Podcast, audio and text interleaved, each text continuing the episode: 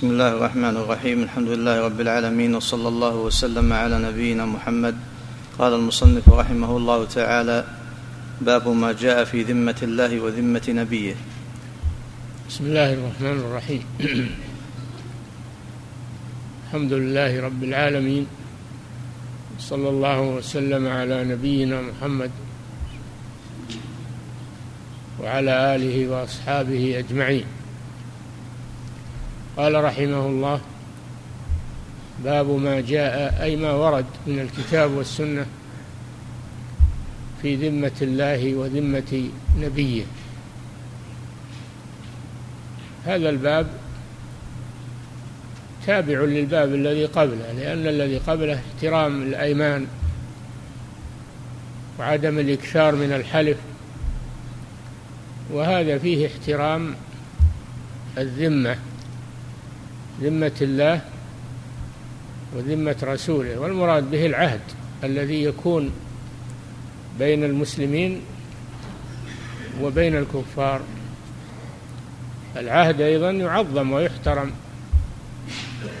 قال جل وعلا وأوفوا بعهد الله إذا عاهدتم ولا تنقضوا الأيمان بعد توكيدها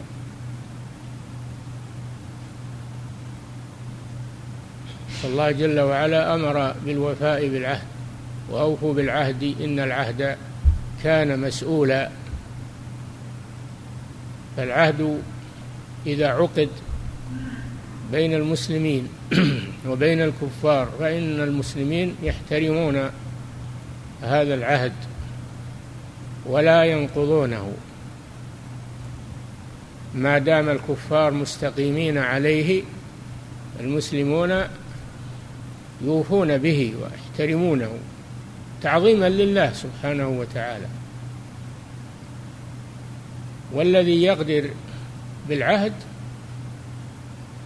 هذا لا يحترم الله عز وجل ولا يعظم الله عز وجل فهو نقص في التوحيد. وهذا وجه ذكر هذا الباب في كتاب التوحيد أن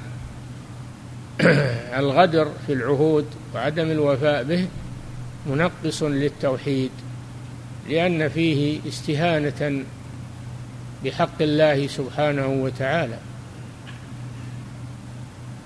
ومن ذلك أنهم إذا طلبوا إذا طلب الكفار من المسلمين أن يعطوهم ذمة الله وذمة رسوله لا يعطونهم ذلك. ولكن يعطونهم ذمتهم ذمة ولي الأمر. ولا يعطيهم ذمة الله وذمة رسوله. لماذا؟ لأنه قد يحصل نقص يحصل عدم وفاء بالعهد فلا يكون هذا في ذمة الله وذمة رسوله وإنما يكون في ذمة ولي الأمر. وهذا أهون وأخف من أن يغدر بالعهد بذمة الله وذمة رسوله. وكونه ولي الأمر يحصل منه غدر في ذمته هذا محرم ولكنه أخف من الغدر بذمة الله وذمة رسوله احتراما لذمة الله وذمة رسوله. وفيها أن ارتكاب خف الضررين لدفع أعلاهما مطلوب. هذه قاعدة. نعم. باب ما جاء في ذمة الله وذمة نبيه وقول الله تعالى والذمة هي العهد. الذمة هي العهد والميثاق. نعم. وقول الله تعالى وأوفوا بعهد الله إذا عاهدتم ولا تنقضوا الأيمان بعد توكيدها. الآية. قال تعالى وأوفوا بعهد الله إذا عاهدتم. احتراما وتوقيرا لله عز وجل وعهده. هذا من كمال التوحيد.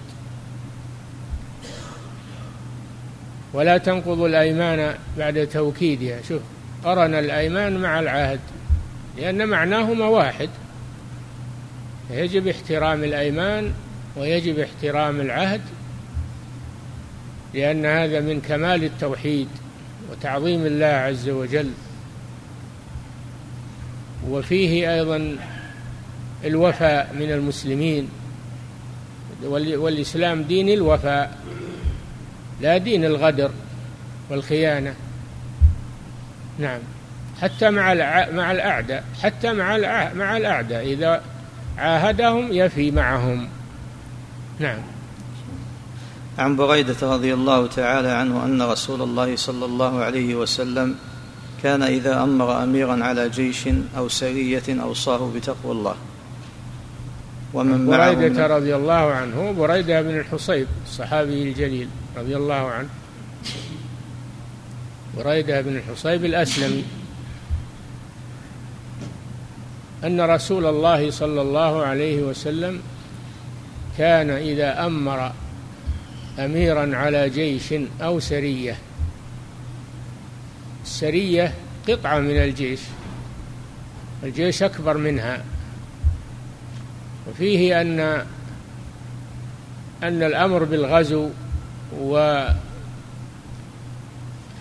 وتنصيب أمراء الجيوش والسرايا أنه إلى ولي الأمر وأن الجهاد من صلاحيات ولي الأمر.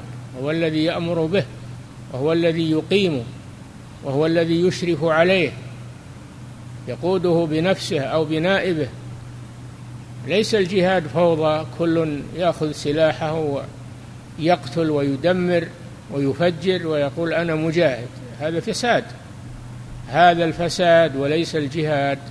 جهاد منظم في الإسلام له ضوابط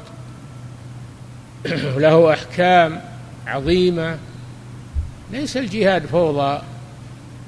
وسفك دماء وتفجير وقتل هذا ليس من الإسلام.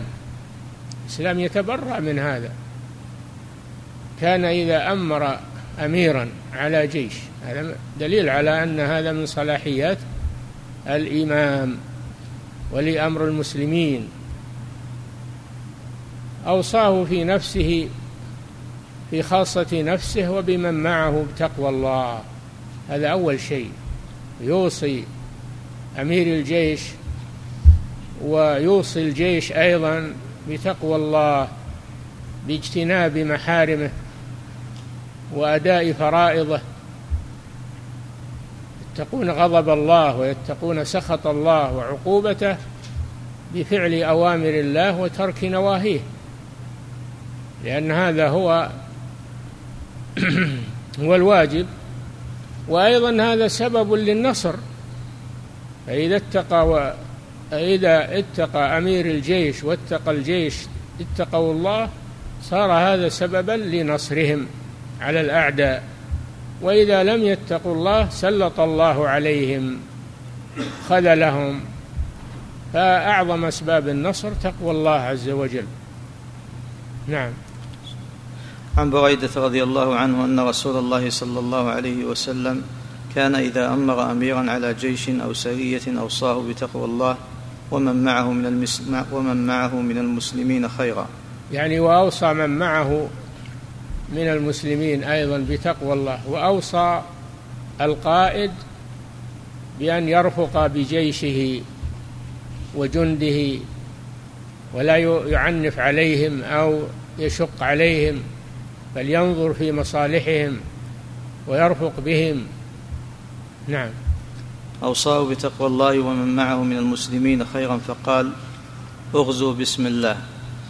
اغزوا بسم الله. والغزو هو الخروج. الغزو هو الخروج للجهاد في سبيل الله. الجهاد في سبيل الله. هذا هو الخروج المشروع. خروج في سبيل الله للجهاد. الجهاد في سبيل الله. اغزوا اغزوا العدو. هذا فيه دليل على أن الجهاد على قسمين جهاد دفع وجهاد طلب. فالغزو جهاد طلب. يذهبون إلى العدو في مكانه في بلده فيقاتلونه. وأما الدافع فإذا داهم العدو بلاد المسلمين يدافعونه. نعم. فقال اغزوا بسم الله في سبيل الله. اغزوا بسم الله. مستعينين بالله. بسم الله يعني مستعينين بالله. لأن الله إذا لم يعنهم فلا ناصر لهم. فلا بد أن أن يستعينوا بالله عز وجل. اغزوا بسم الله. مستعينين به سبحانه وتعالى. نعم اغزوا اغزوا بسم الله في سبيل الله. في سبيل الله لا لأجل الطمع أو لأجل الرياء والسمعة أو لأجل أي غرض من الأغراض إلا أن يكون الجهاد في سبيل الله لإعلاء كلمة الله ونصرة دينه. هذا الغرض من الجهاد. ليس الجهاد العلو في الأرض والاستيلاء على الأموال والبلاد أو الرياء والسمعة. إنما هو لأجل لأجل إعلاء كلمة الله عز وجل ونشر دينه. هذا هو المقصود بالجهاد. نعم. قاتلوا من كفر بالله. هذا فيه إخلاص النية لله عز وجل. في سبيل الله فيه إخلاص النية في الجهاد وهو أن يكون في سبيل الله لا في سبيل غيره. نعم. قاتلوا من كفر بالله. قاتلوا من كفر بالله. هذا بيان من الذي يقاتل ومن الذي يغزى أنه الكفار.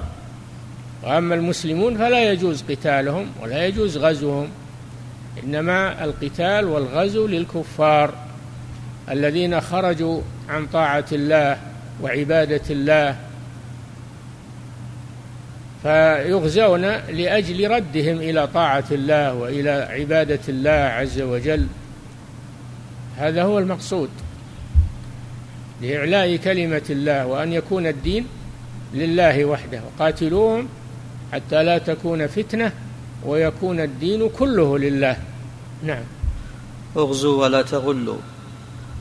اغزوا كرر هذا تأكيدا. ولا تغلوا. الغلول هو الأخذ من الغنيمة قبل قسمتها. فلا يجوز لأحد من الجنود أن يأخذ شيئا من الغنيمة قبل أن يأتيه نصيبه منها بالقسمة. ويقول هذا كسبي وهذا أنا حصى ما يجوز هذا غنيمة للجميع.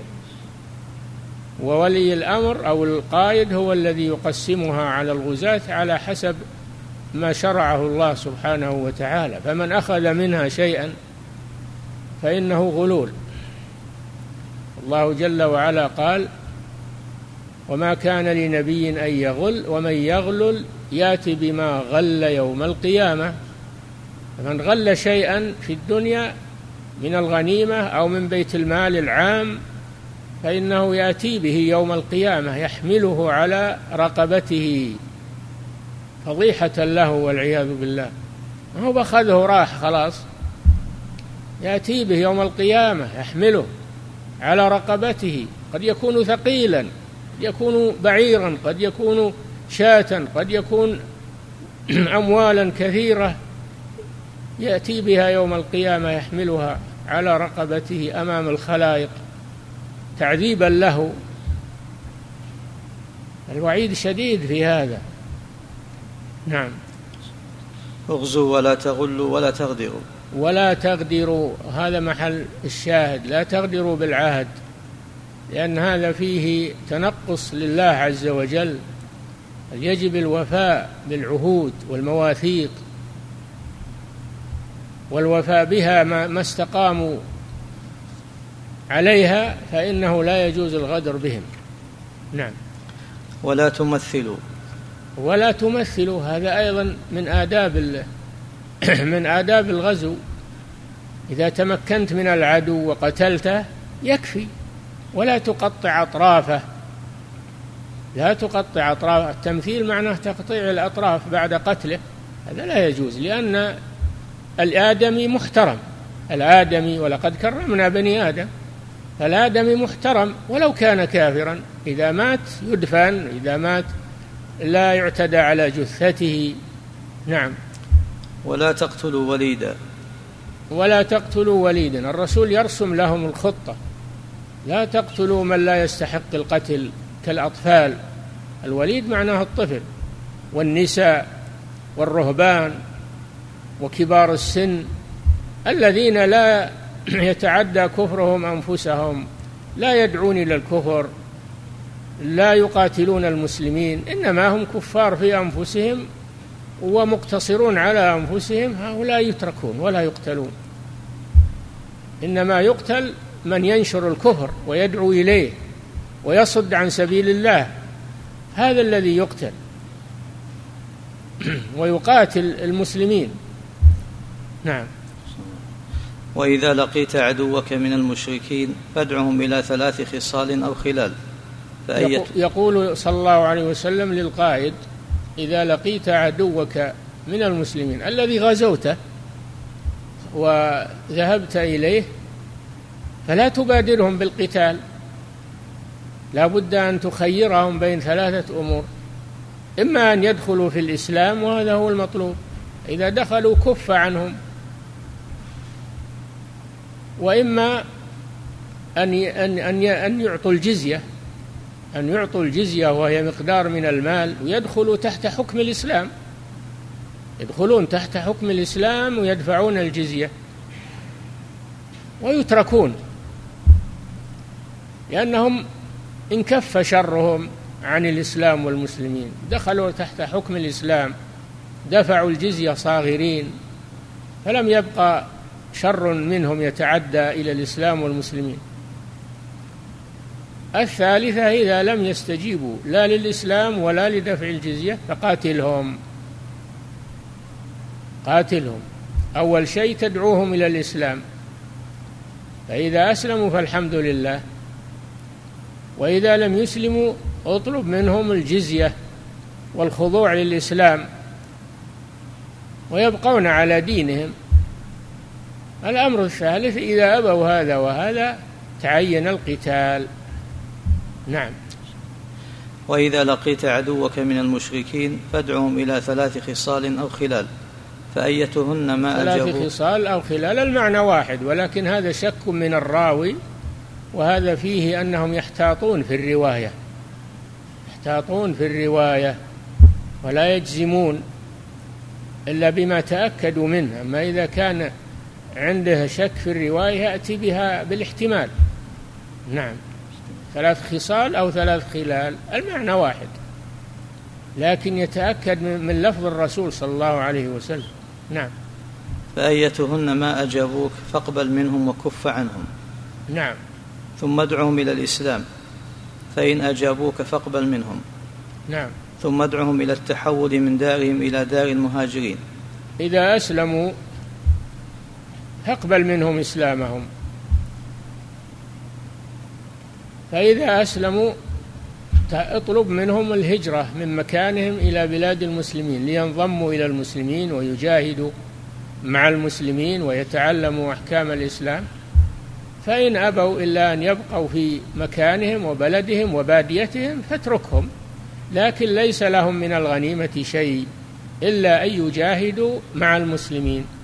أما إذا لم يجاهدوا مع المسلمين فليس لهم من الغنيمة شيء. الغنيمة لمن جاهد في سبيل الله. نعم. ثم ادعهم إلى التحول من دارهم إلى دار المهاجرين وأخبرهم أنهم إن فعلوا المهاجرين ذاك الوقت المدينة. نعم. وأخبرهم أنهم إن فعلوا ذلك فلهم ما للمهاجرين وعليهم ما على المهاجرين. نعم. فإن أبوا أن يتحولوا منها فأخبرهم أنهم يكونون كأعراب المسلمين.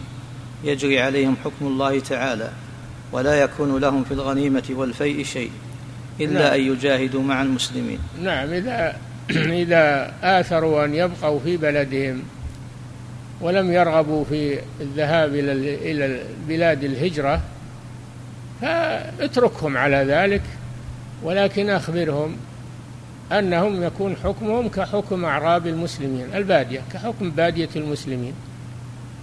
يقبل منهم إسلامهم وتجرى عليهم أحكام الإسلام ولكن ليس لهم من الغنيمة آه، التي في الجهاد ولا الفيء الذي يرده الله إلى المسلمين من أموال الكفار. ليس لهم منهم شيء لأنهم لم يجاهدوا. نعم. فإنهم أبوا فاسألهم الجزية. فإن, فإن هذه الخصلة الثانية. نعم. فإنهم أبوا فاسألهم الجزية فإنهم أجابوك فاقبل منهم وكف عنهم. الجزية مبلغ من المال يؤخذ من الكافر في مقابل أنه يترك على دينه بشرط أن لا يدعو إلى الكفر ولا ينشر الكفر وإنما يبقى على دينه فقط في نفسه. فلا فلا يتعرض له حينئذ لأنه اختار الكفر فله ما اختار لكن لا يدعو إلى الكفر لا يحرض على المسلمين لا يضر بأحد من المسلمين يكف شره. وإلا لا الإسلام لا يجبر عليه لا يكره في الدين ما يمكن أحد يجبر على الإسلام وهو لا يريده. لكن يجبر على أن يكف شره عن الإسلام والمسلمين. نعم. فإنهم أبوا فاستعن بالله وقاتلهم. وهذا فيه دليل على أن الجزية تؤخذ من كل كافر كتابي أو غير كتابي. وهذا هو الراجح من قولي العلماء. من العلماء من يقول لا تؤخذ إلا من أهل الكتاب. ومنهم من يقول تؤخذ من عموم الكفار كما في هذا الحديث وهذا هو الراجح. نعم. فإنهم أبوا فاستعن بالله وقاتلهم.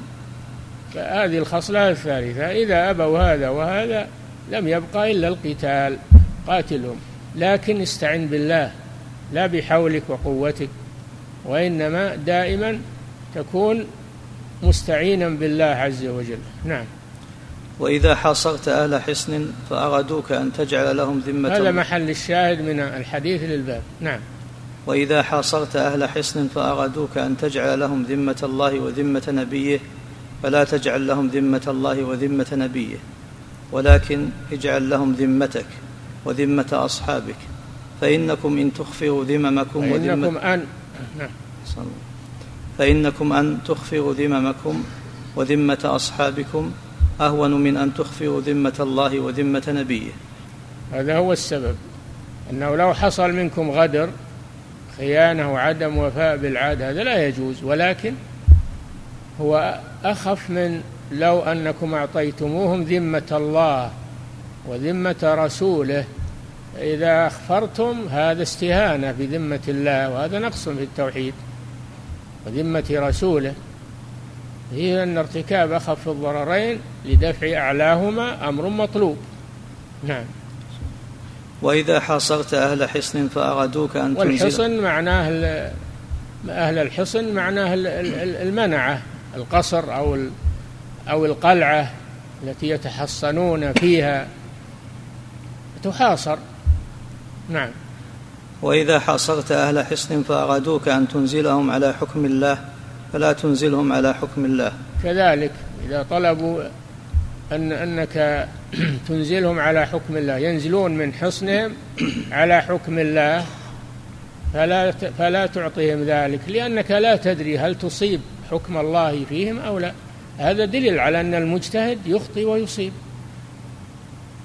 وكونه يعطيهم حكم الله وهو لا يضمن أن يصيب حكم الله هذا فيه استهانة بحكم الله عز وجل. يعطيهم اجتهاده هو يجتهد لهم. والمجتهد إذا أصاب له أجران وإذا أخطأ له أجر واحد والخطأ مغفور. نعم. وإذا صرت أهل حصن فأرادوك أن تنزلهم على حكم الله فلا تنزلهم على حكم الله. هذا دليل على أن العالم لا يقول هذا حكم الله أو هذا حكم الإسلام كما يقول بعض الجهال بل يقول هذا رأيي.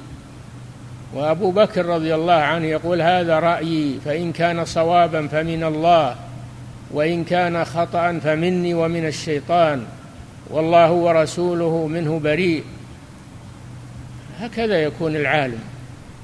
ما يجزم ان هذا حكم الله أو هذا حكم الإسلام أو حكم الشريعة. بل يقول هذا اجتهادي متحريا أن أصيب حكم الله؟ نعم. فلا تنزلهم على حكم الله ولكن أنزلهم على حكمك. نعم. فإن فإنك لا تدري أتصيب فيهم حكم الله أم هذا لا. هو السبب. لا تدري أتصيب فيهم حكم الله لأنه لست معصوما. المجتهد يخطي ويصيب لست معصوما. وحكم الله وحكم رسوله معصوم. إذا حصل خطأ معناه أنه ينسب إلى حكم الله وحكم رسوله وهذا لا يجوز. لأن يعني حكم الله معصوم. حكم الرسول معصوم لا يقع فيهما خطأ إنما الخطأ يقع في اجتهاد الإنسان اجتهاد العالم. نعم. فإنك لا تدري أتصيب فيهم حكم الله أم لا رواه مسلم. وفيه أن المجتهد إذا اجتهد وأخطأ أنه معذور أنه معذور ومأجور على اجتهاده. نعم. فيه مسائل. نعم. الأولى الفرق بين ذمة الله وذمة نبيه وذمة المسلمين. الفرق بين ذمة الله وذمة نبيه وبين ذمة المسلمين في أن ذمة الله وذمة رسوله لا تعطى لأحد. أما ذمة المسلمين فتعطى وإذا حصل فيها خلل فإن هذا أخف من أن يقع هذا في ذمة الله وذمة رسوله. نعم. الثانية الإرشاد إلى أقل الأمرين خطرا. هذه ارتكاب أخف الضررين لدفع أعلاهما. ارتكاب أخف الأمرين ضررا خطرا. هذه قاعدة عظيمة من قواعد الإسلام ومن قواعد الوصول نعم. الثالثة قوله اغزوا بسم الله في سبيل الله. نعم. أن الإنسان يخلص نيته في الجهاد ويستعين بالله لا على قول قوته ولا على جماعته وإنما يستعين بالله. نعم. الرابعة قوله قاتلوا من كفر بالله. أن القتال من أجل الكفر من أجل إعلاء كلمة الله وإخلاص الدين لله ليس الجهاد لأجل الأموال ولأجل البلاد ولأجل توسيع الملك. نعم. الخامسة قوله استعن بالله وقاتلهم. استعن بالله وقاتلهم. هذا فيه التوكل على الله سبحانه وتعالى والأمر بالقتال إذا تعين. نعم. السادسة الفرق بين حكم الله وحكم العلماء. أي نعم. حكم الله معصوم لا يتطرق إليه خطأ. وأما حكم العلماء فهو عرضة للخطأ. فلا يعطون حكم الله. نعم. السابعة في كون الصحابي يحكم عند الحاجة بحكم لا يدري أيوافق حكم الله أم لا. هذا في الصحابي صاحب رسول الله فكيف بغيره ممن هو دونه من العلماء؟ فهو لا يدري هل يصيب حكم الله أو لا. ومهما بلغ من العلم مهما بلغ من العلم لا يدري هل يصيب حكم الله أو لا. يجتهد اجتهاده ولا يألو جهدا فإن أصاب فله أجران وإن أخطأ فله أجر واحد والخطأ مغفور. نعم. باب ما جاء في الإقسام على الله. يكفي. والله تعالى أعلم وصلى الله وسلم على نبينا محمد وعلى آله وأصحابه أجمعين.